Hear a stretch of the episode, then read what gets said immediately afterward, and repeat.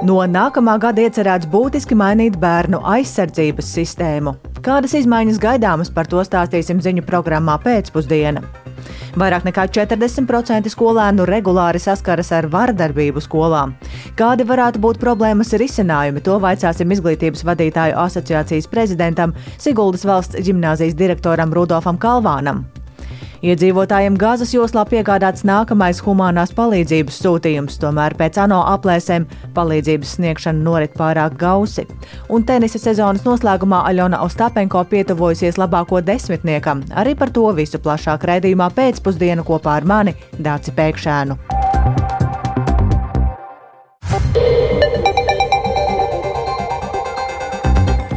Pulkstenis ir 16,5 minūtes, skan pēcpusdienas ziņu programma, skaidrojot šodienas svarīgus notikumus. Studijā Dāca Pēkšēna, labdien!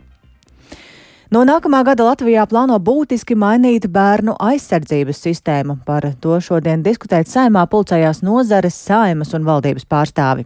Pārmaiņas piedzīvos valsts bērnu tiesību aizsardzības inspekcija, kuru no nākamā gada dēvēsim par bērnu aizsardzības centru. Bez tam jau drīzumā darbu sāks bērna māja, kas paredz visu nepieciešamo palīdzību vardarbībā cietušajiem bērniem vienu vietu. Un vairāk par šo tēmatu Pāvils Dēvids ierakstā. Vārdarbība pret bērniem Latvijas sabiedrībā ir ļoti izplatīta. Nereti bērnu varmākas ir ģimenes locekļi, taču apcelšana notiek arī skolās. Rīgas Stradiņa universitātes pētījumā secināts, ka vairāk nekā 40% skolēnu saskaras ar vārdarbību izglītības iestādē. Turklāt piektā daļa skolēnu uzskata, ka skolotāji lielākoties nevar ietekmēt šādu situāciju samazināšanos. Un problēmas ir ne tikai skolās, arī citos bērnu aizsardzības veselības sistēmas posmos tiek pieļautas kļūdas, un cietušie saskaras ar nevērīgu, pat vienaldzīgu attieksmi. Tomēr valdība un nozare ir apņēmusies to mainīt. Vērienīgas izmaiņas no nākamā gada piedzīvos valsts bērnu tiesību aizsardzības inspekcija, turpina vadītāja Gunita Kovaļevska. Jo tas, ar ko es domāju, mums arī kolēģi, mani darbinieki ikdienā saskaras ar to, ka, ka mēs nedzirdam, mēs nereti varam nesadzirdēt. Ne tāpēc, ka negribam, bet tāpēc, ka a, mums ir daudz citas lietas, ko darīt, mums ir daudz dažādu problēmu, ko risināt, un tad nereti pašu bērnu dzirdēt. Nu, kaut kur tas varbūt kaut kur paliek maliņā, jo tad, ja tajā vienā reizē, ja bērnu mēs neuzklausām, tad otrajā reizē viņš pie mums vairs nemaz nenāk. Inspekcija nākamgad piedzīvos nosaukuma maiņu, un turpmāk to zināsim kā bērnu aizsardzības centru. Mainīsies arī iestādes darbs. Tā galvenokārt būs jāstrādā pie sistēmas sinhronizēšanas, proti jāraugās, lai iesaistītās iestādes, kā skolas, veselības aprūpas iestādes, sociālie dienesti un citas, darbojas saskaņoti un notiek informācijas apmaiņa. Plānots arī mazināt uzraudzības un kontrolas funkciju, taču par to bažīgs ir tiesības sargs, kurš iepriekš publiski izteicies par risku, ka bērnu tiesību joma varētu palikt bez uzraudzības un kontrolējošās iestādes. Nozarē gan uzsver, ka šobrīd lielākā problēma ir tā, ka sistēmā trūkst sazobes, skaidro Bērnu Kliniskās Universitātes slimnīcas anestezioloģijas un intensīvās terapijas klīnikas vadītāja Arta Bārzdiņa. Kad atgriezniskā saite noslēdz šo apli, ka mēs saņemam atbildi, kas ar to bērnu, par ko mēs esam ziņojuši, kas tad tālāk ir noticis, kur viņš ir palicis, vai viņš ir drošībā.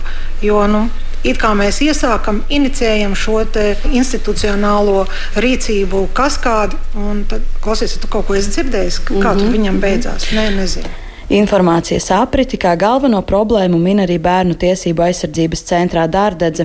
Centra komunikācijas vadītāja Anda Avena stāsta, ka speciālistiem, piemēram, jaunajiem ārstiem un pirmsskolu pedagogiem, trūks zināšanu par vārdarbību, kā arī nereti nav skaidrības par pazīmēm, kas norāda uz iespējamu vārdarbību īpaši agrīnā stadijā.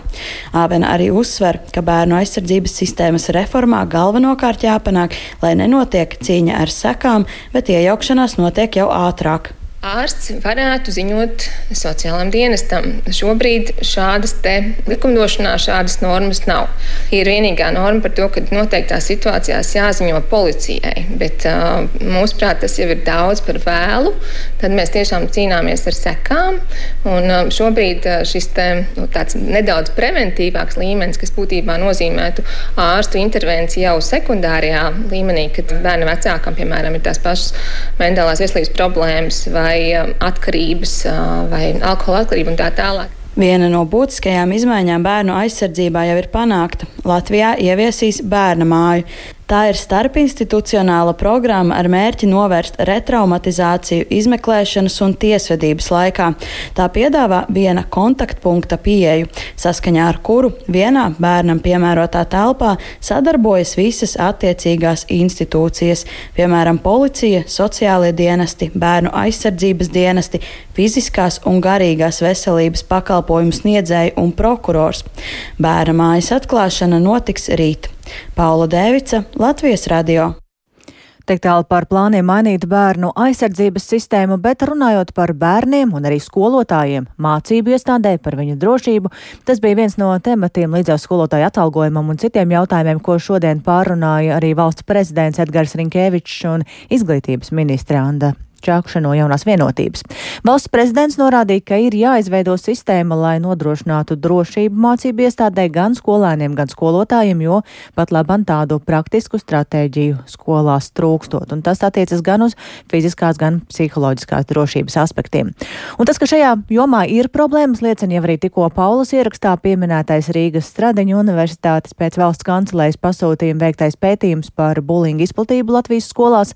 Secinājums tātad skarbs vairāk vairāk nekā 40% skolēnu saskaras ar sistemātisku vārdarbību, un tie ir dati, kas ir iegūti apkopojot datus no 127 skolām Latvijā. Un Par to vairāk vaicāsim izglītības vadītāju asociācijas prezidentam, Siguldas valsts ģimnāzijas direktoram Rudolfam Kalvānam. Labdien! Labdien! Viens ir tas, ko rāda pētījums, bet tīri praksē, vai jūs arī šo redzat kā problēmu? Šī ir um, šī tēma ir vispār tāda, es pat teiktu, sabiedriski uh, eksistenciāla tēma, kas ir uh, nonākusi tik tālu, ka nu, uh, mums ir jāceļ, jāceļ galdā tādi, tādi ļoti lieli jautājumi, kas, uh, es teiktu, tā uh, daļai, tādai ievērojamai daļai sabiedrības, tā saucamās vispārējās sabiedrības, ir ļoti nērti, jo Uh, būs jāmaina svaru kausi uh, no uh, izglītības iestāžu atbildības tieši vecāku likumisko pārstāvu ģimeņu virzienā. Tas nozīmē šī paradigma, kur vien, nu, kaut kādu ļoti ilgu laiku mēs esam domājuši, ka tā tad uh, no sērijas uh, um, skola audzina manu bērnu, uh, un es skolai palīdzu. Ir jāmaina šī gan domāšana, gan reālā tiesiskā, teiksim, šis te tiesiskais ietvars uz, uz pilnīgi pretējo, ka tu audzini uh, savu bērnu, un mēs tev tikai palīdzam.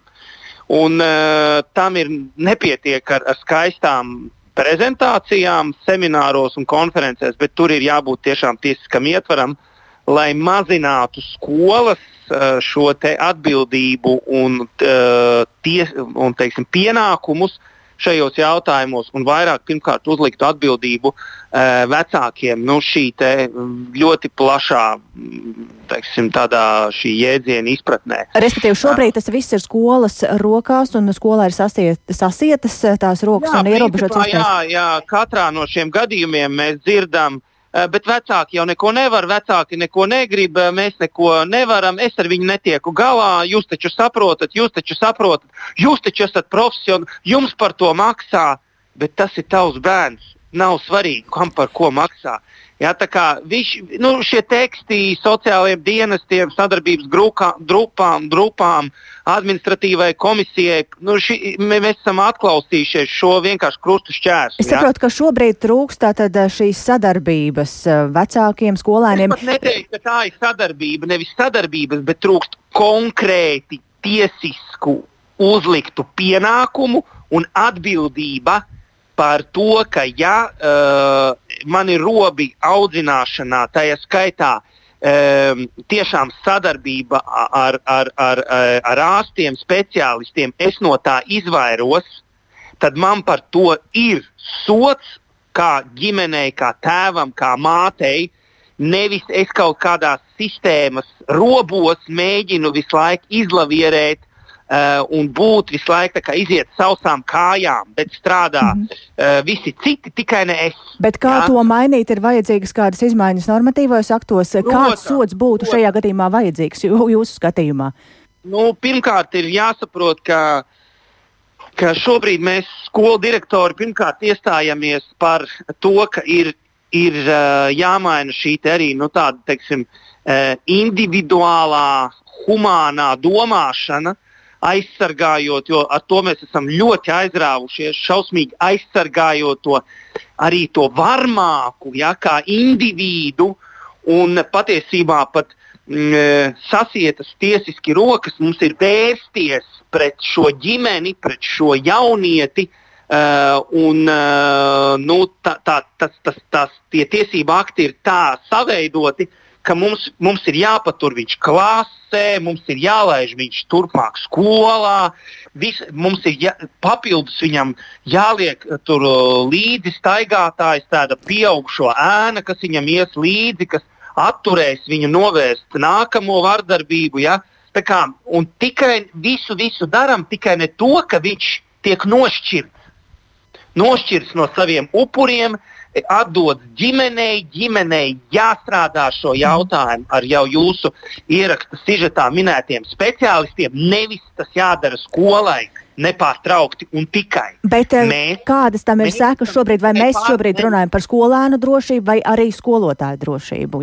Mēs runājam par visu, mēs runājam par visu pamatā, protams, par vienaudžu drošību, par klases biedru uh, Un tādā ziņā skaidri dodot signālu sabiedrībai, ka vairākuma intereses, tātad drošas mācību vides, klases vai klašu grupas vai visas skolas intereses būs augstākas par viena e, varmākas interesēm, neatkarīgi no viņa vecuma un neatkarīgi no sociāla-ekonomiskā stāvokļa.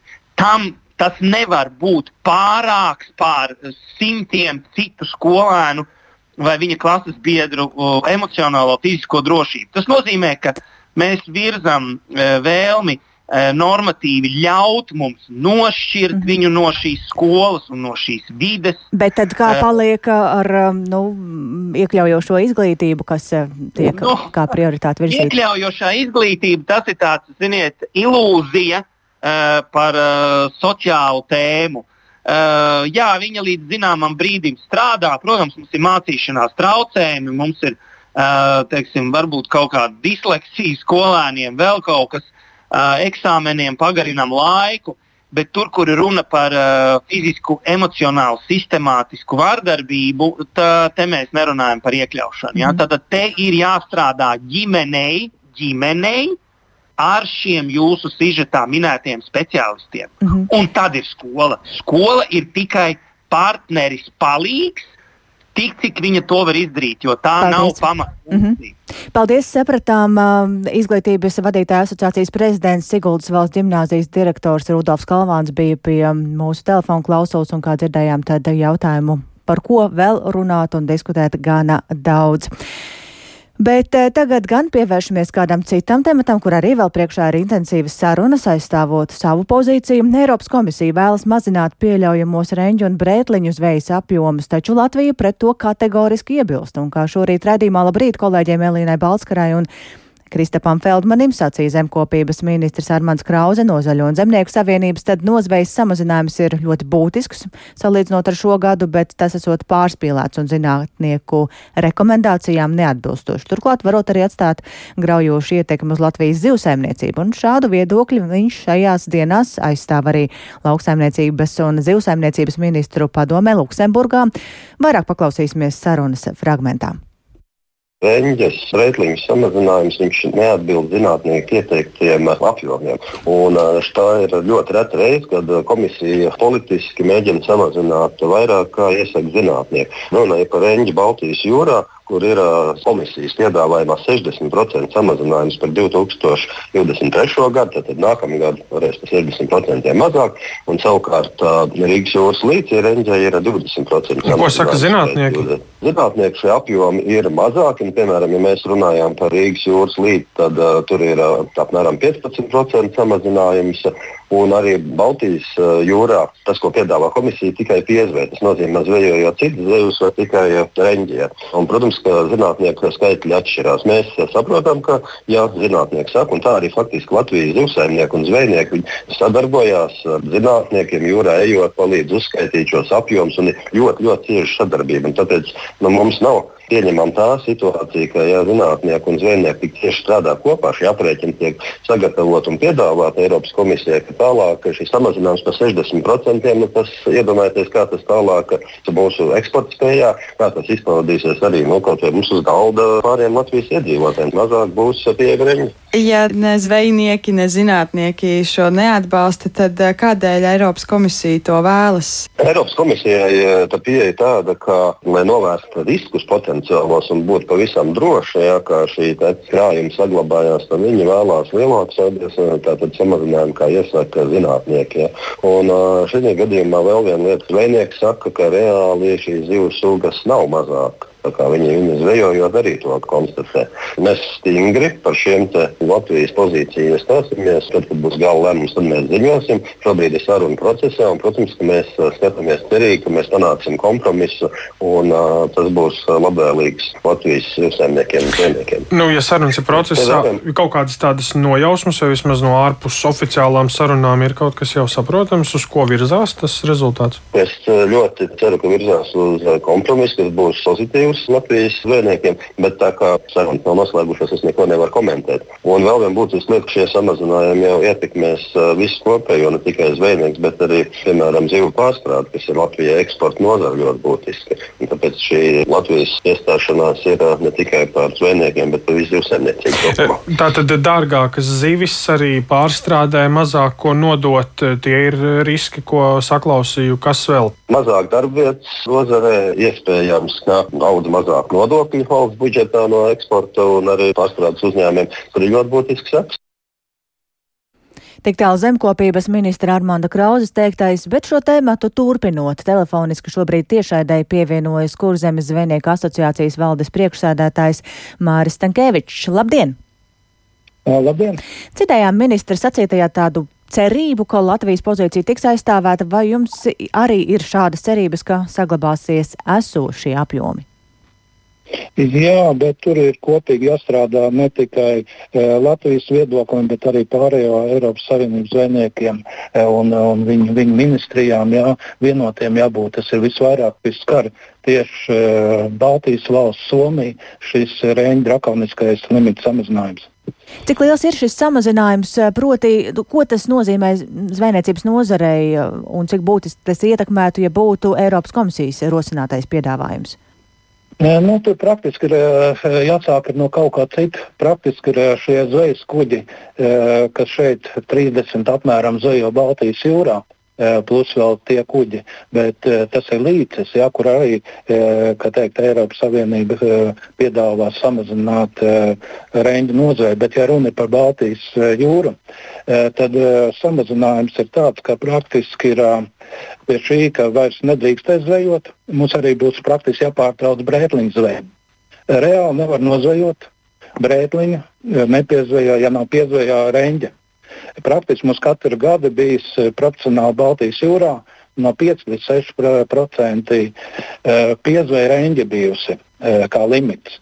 Ja mums ir, kā teikt, uz šo gadu ir nepilns 25 kā teikt, brētliņi mums ir bijusi nu, šo, šogad 23, gan 24 tūkstoši tonnas. Ja? Nu, tad, Tad praktiski ir teikt, ar to, kas mums bija 1964 tonnas reņģis, vēl kaut kā varēja sabalansēt. Bet, ja tas mērķis ir drakoniski par 60 vairāk samazināt vai vispār liegumu uztaisīt, es domāju, ka mums arī ir, mēs vairs nevarēsim zvejot brētniņus. Kāds, kas būtu ieguvējis no šāda lēmuma? Tādā gadījumā nu skaidrs, ka, ko mums tas nozīmētu, bet kā, kas no tā iegūtu? Iegūt, es nezinu, no ko mēs pazaudēsim 6, 7 protrūknīcas Latvijā, kurā katrā vismaz ir 150 darbspēki līdz 200 cilvēki. Un, nu, un viss, kā teikt, zvejniecība ar to arī beigsies. Bet uz kā pamata ir šādi Eiropas komisijas rosinājumi, jo es saprotu, ka arī mūsu zvejnieki tomēr konsultēs arī ar zinātniekiem, kuru vismaz pēc ministra teiktā var saprast, ka šāda pamata nav noteikta šādus ierobežojumus. Nē, nu, tiešām zvejnieki sadarbojās ar zinātni, un pilnīgi cits redzējums ir. Arī, kā teikt, ir nozare, ko runāt, un zinātni ieklausās, un arī savu secinājumu izsaka. Ja? Bet ne mūsu, ne mūsu teikt, viedokli ieklausās, arī zinātnes viedoklī neieklausās. Vienkārši pieņems, tieks, pieņems tā drakonisks lēmums. Ka teikt, nu, visticamāk, ar mērķi slēgt Baltijas jūru kā zveju, vai izvietosim šeit vēja parks tikai. Nu, nākošais solis, protams, var ķerties eh, ne tikai zvejniecībai, klāt, arī meža izstrādē, eh, lopkopībai un tā tālāk, ko mēs aizliegsim no Briseles. Nu, vai tas nozīmē, ka tā, tādā gadījumā Baltijas jūra būtu slēgta visiem? Nē, nu kā viņi slēgt būtu visiem. Vienkārši mēs nevaram izvairīties, nav reāli nozvejot brētliņas bez reņģa piezvēs. Un ja mēs nevaram tādu zveju veikt, kā teikt, eh, nodrošināt, ka Bretliņa piedzējā nav, nav reņģes.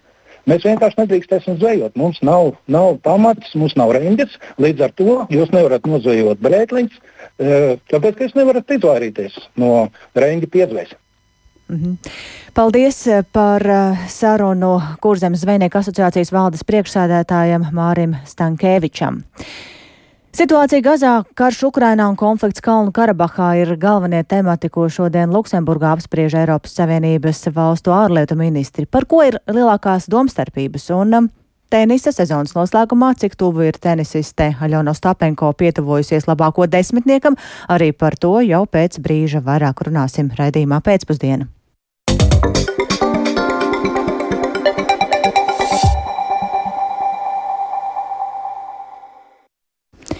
Humanitārā situācija Gazas joslā pasliktinās, taču pagaidām tur ir ieradušies tikai daži desmiti krāvas automašīna ar humāno palīdzību. ASV apgalvo, ka Izraela neliks šķēršļus turpmākām palīdzības piegādēm, tikmēr Izraels spēki pastiprina gaisa uzbrukumus terorista grupējuma Hamas pozīcijām Gazas joslā, gatavojoties iespējamam sauszemes iebrukumam teritorijām. Turpina Rustams Šukurovs.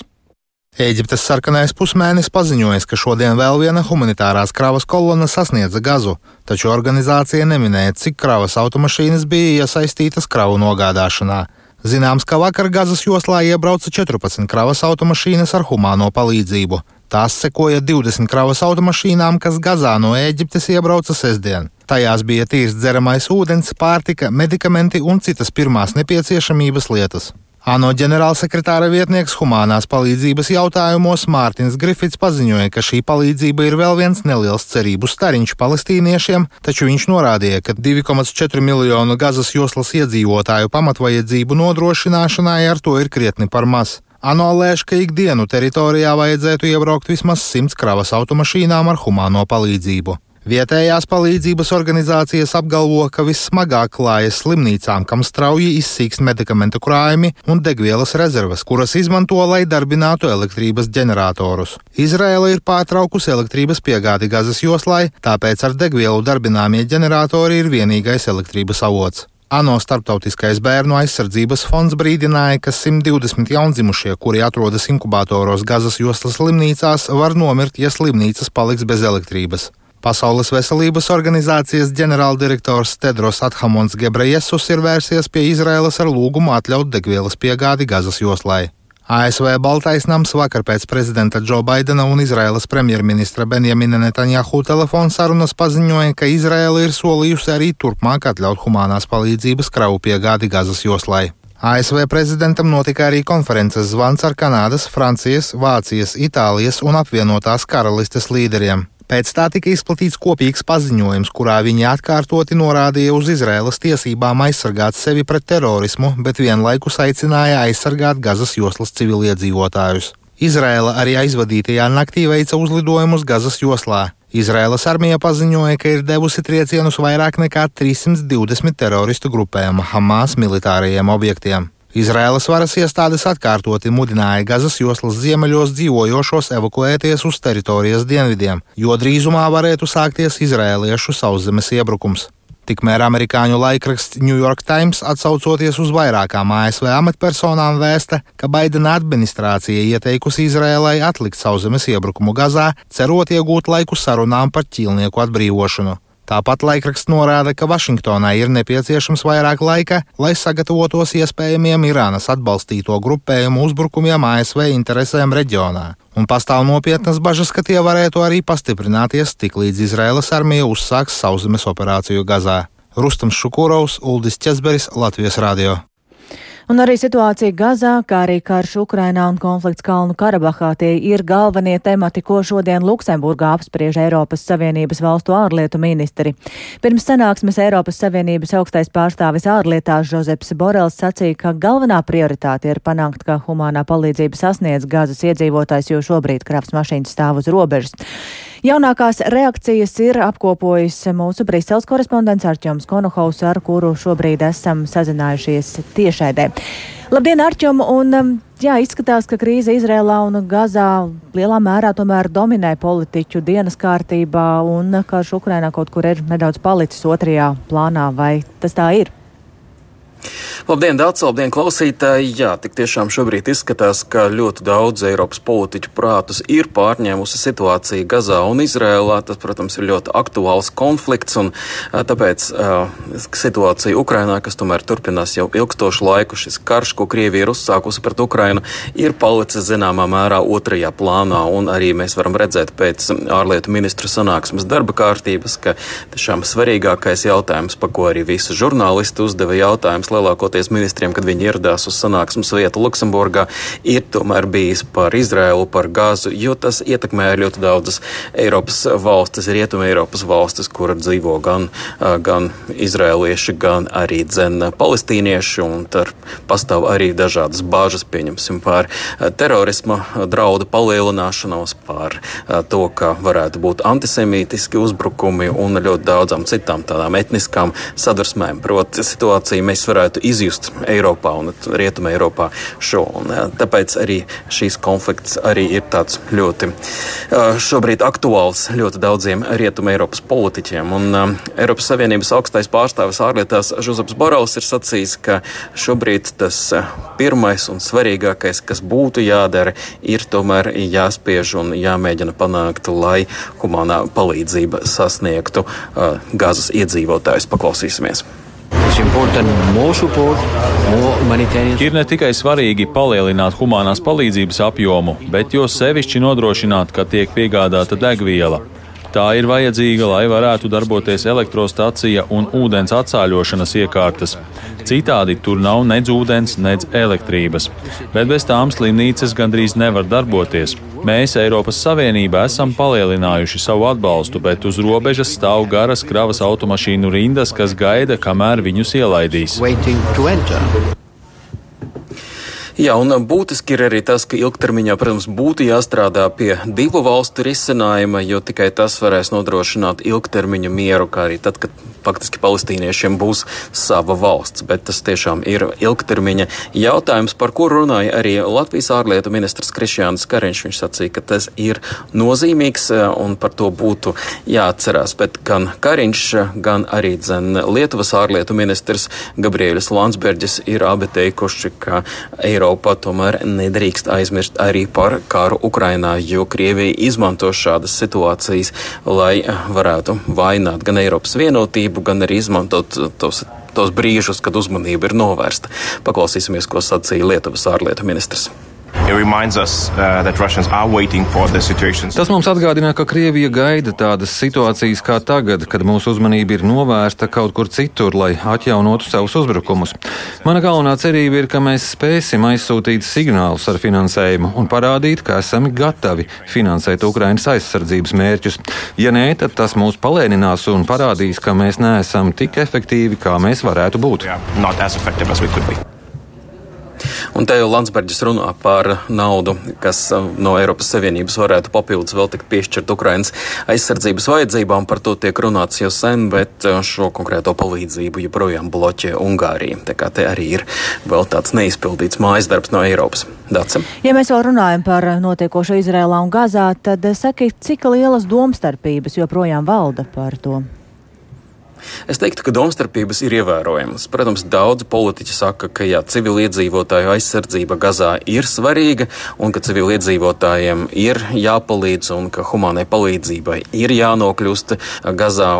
Tas ir tas, kas vieno visus Eiropas politiķus. Bet tad, ja runā par detaļām, tad parādās krietni atšķirīgāki viedokļi gan par vērtējumā par to, ko Izraela dara, vai viņa atbild atbilstoši, vai tomēr pārspīlē ar saviem atbildes reakcijām, kādiem jābūt turpmākiem Eiropas soļiem. Un jāsaka, ka domstarpības ir ne tikai Eiropas politiķu vidū. Nedēļas nogalē mēs redzējām arī miera samitā, kas norisinājās Eģiptē, arī nebija nu, būt tādas vienprātības, kādu daudzi varētu būt gribējuši. Tur politiķi nav varējuši vienoties arī par tādu gala paziņojumu, jo Arābu valstīm ir citādāks skatījums uz notiekošo, un viņi krietni lielāku atbildību uzveļ Izrēlai, un nekā daudzas Eiropas valstis ir gatavas, un, pieņemsim, Krišjāns Kariņš ir runājis, ka Eiropai ir ļoti skaidri jāstāv un jāpalīdz Izrēlai, un ka tas nav pretrunā ar to, ka mēs arī pievēršam uzmanību human,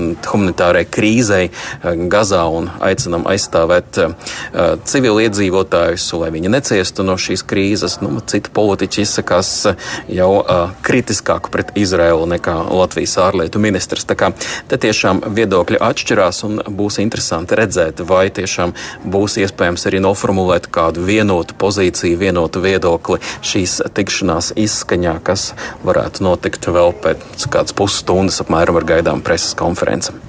Paldies Arķomam Konohovam par šo plašo skaidrojumu. Tas tātad par aktuāliem jautājumiem, ko šodien apspriež arī Luksemburgā Eiropas Savienības valstu ārlietu ministri. Bet mēs šobrīd atgriežamies pašmājās.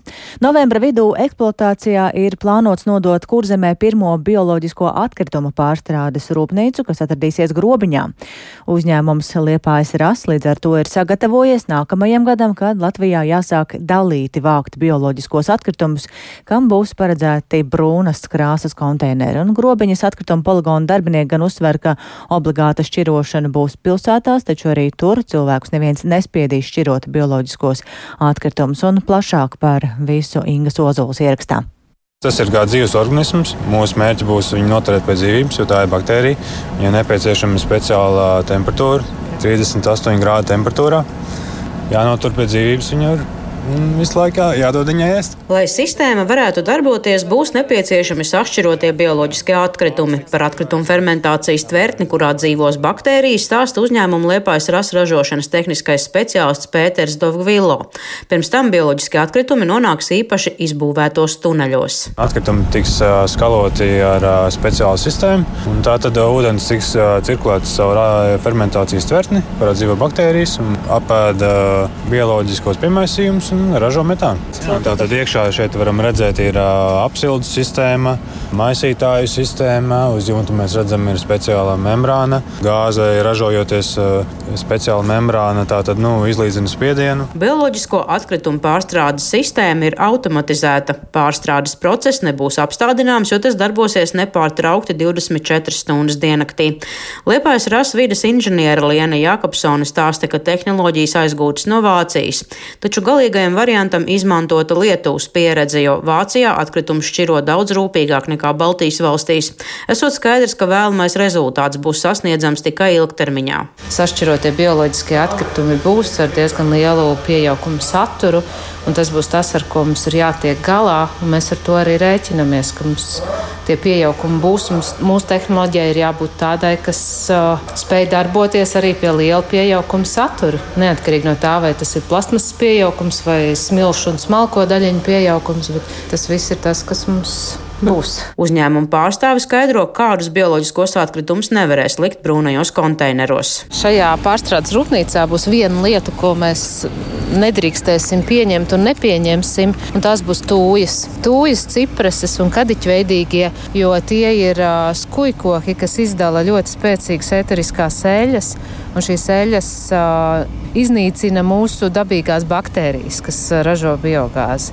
Tādēļ tieši šos kujkokus mēs pārstrādē nevarēsim pieņemt un nevarēsim likt tuneļos, ja mēs vēlamies, lai mūsu baktērijas izdzīvo. Jaunajā rūpnīcā bioloģiski noārdāmos atkritumus sāks pārstrādāt jau šī gada nogalē. No atkritumiem ražos biogāzi, elektroenerģiju un kompostu, ko varēs izmantot poligonu darbības nodrošināšanai.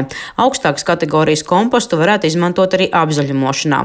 Par bioloģisko atkritumu vākšanu vairāk stāsta vīdes inženiere Liena Jākopsone. Bioloģijas dalītā vākšana pirmkārt būs obligāta visās lielajās pilsētās. Ja mēs runājam par Dienvidkurzemes atkrituma apsaimniekošanas reģionu, tad tā būs Liepājas valsts pilsēta, tā būs Grobiņa, Aizputē, Priekule, Tātad lielās pilsētas, kur ir lielāks iedzīvotāju blīvums, tur arī it sevišķi daudz dzīvokļu mājās bioloģijas vākšana būs obligāta. Pārējie varēs izvēlēties pēc brīvas iniciatīvas.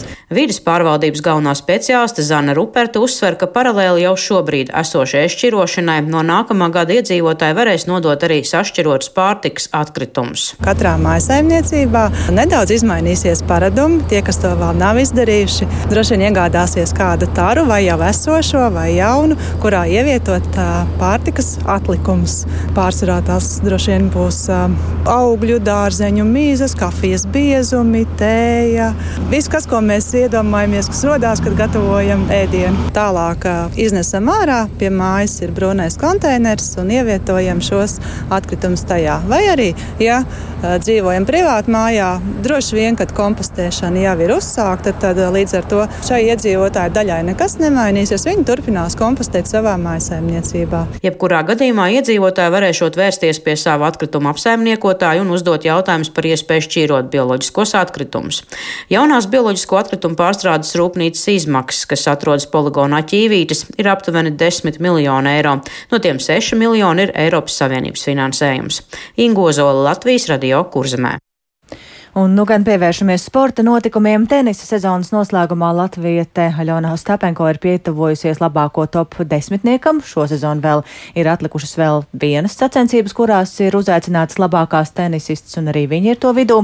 Veiksmīga turnīra gadījumā Stapenko pēc piecu gadu pārtraukuma varētu atgriezties pasaules labāko desmit tenisistu vidū, un šobrīd līdzās man studijā ir kolēģis Lotārs Zariņš, kurš par to ir gatavs vairāk pastāstīt. Sveiks, Lotār, un saki, tad um, nu, cik tuvu šobrīd uh, Ostapenko ir top desmitniekam?